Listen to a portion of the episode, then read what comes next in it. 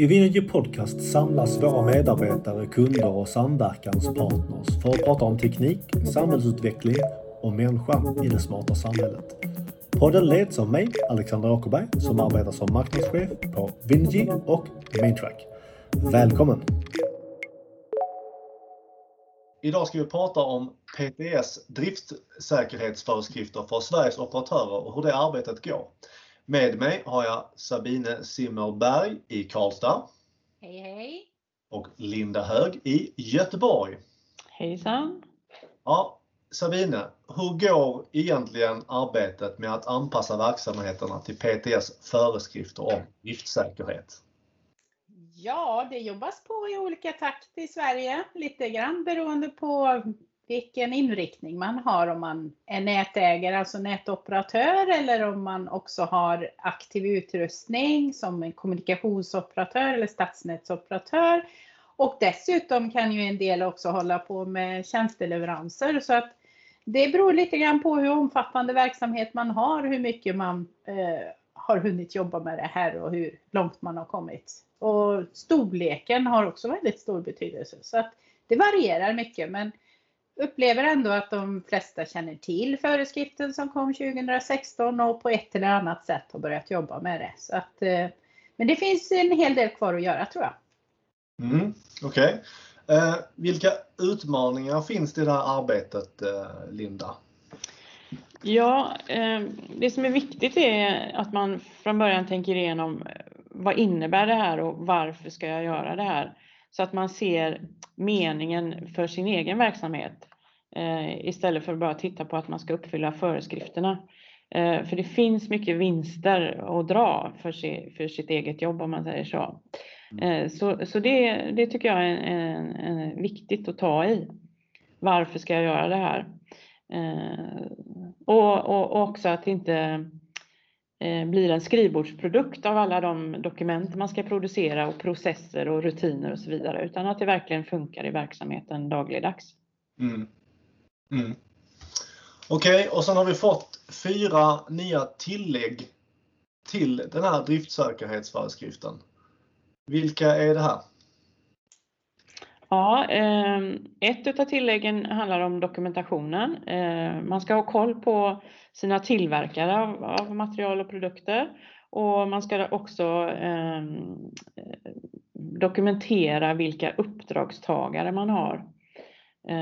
Så att man eh, har en, en förteckning över, över sina uppdragstagare helt enkelt. Mm. Så ska man också... Ja? Förlåt. Jag tänkte ja. bara uppdragstagare, det är ju liksom när vi eh, lämnar ut jobb till en entreprenör som ska bygga nätena till oss eller som ska installera våra tekniska prylar och sådär. Mm. Det är de uppdragstagarna som vi ska ha en förteckning på över en femårsperiod. Precis. Mm. Eh, och sen har man också skärpt till kraven när det gäller åtkomst och behörighet och förtydligat att det är lika viktigt att ha koll på sina interna resurser såväl som de externa. Eh, så att eh, rätt personer ska ha åtkomst till rätt saker. Du ska inte ha mer behörighet än, du behöver för att klara ditt arbete. Mm. Mm. Mm. Vill du lägga till något där Sabine?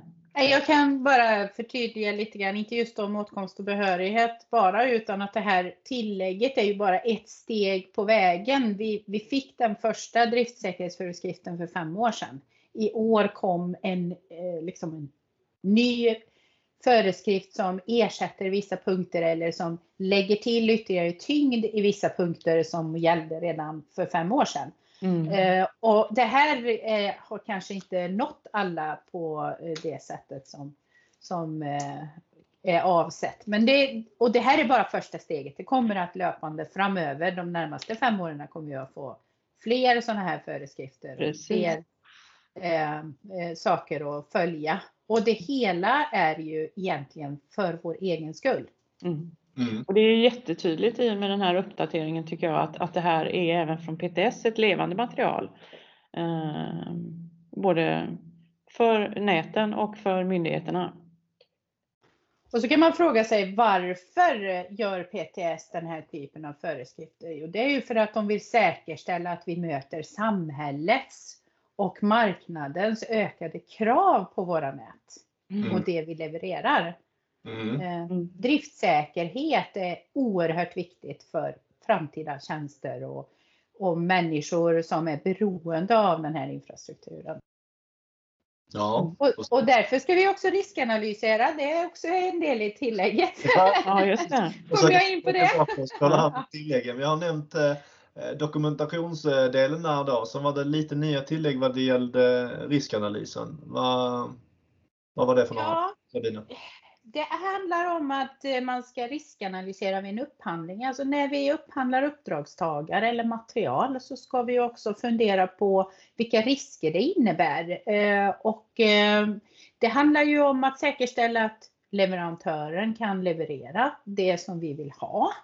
Det handlar också om hur det påverkar vår befintliga anläggning när vi upphandlar. Och, och, också att vi blir mer kapabla att ställa bra krav när vi upphandlar. Så det är en del i riskanalystillägget. Då. Mm. Eh, sen är det ju så att vi har ett annat samhällsklimat idag och det ständigt händer det ju saker. Vi har terroristattacker och annat och det finns ju en, ett visst hot i det perspektivet mot våra anläggningar också och då så därför har PTS lyft upp en eh, risk som vi alla måste ta hänsyn till som inte fanns med från början och det är sabotage. Mm. Och eh, det är även så att man flaggar för att så fort det blir aktuellt med nytt typ av hotbild i vår eh, omvärld så kommer de att lyfta upp det och det måste vi som operatörer bevaka och ta hänsyn till och göra riskanalyser ifrån när det kommer sådana pålagor ifrån PTS. Mm. Mm. Ja, men superspännande att höra lite mer om det här. Om vi nu har någon som eh, lyssnar eller tittar på oss här som eh, känner att det här behöver jag eh, jobba lite mer med.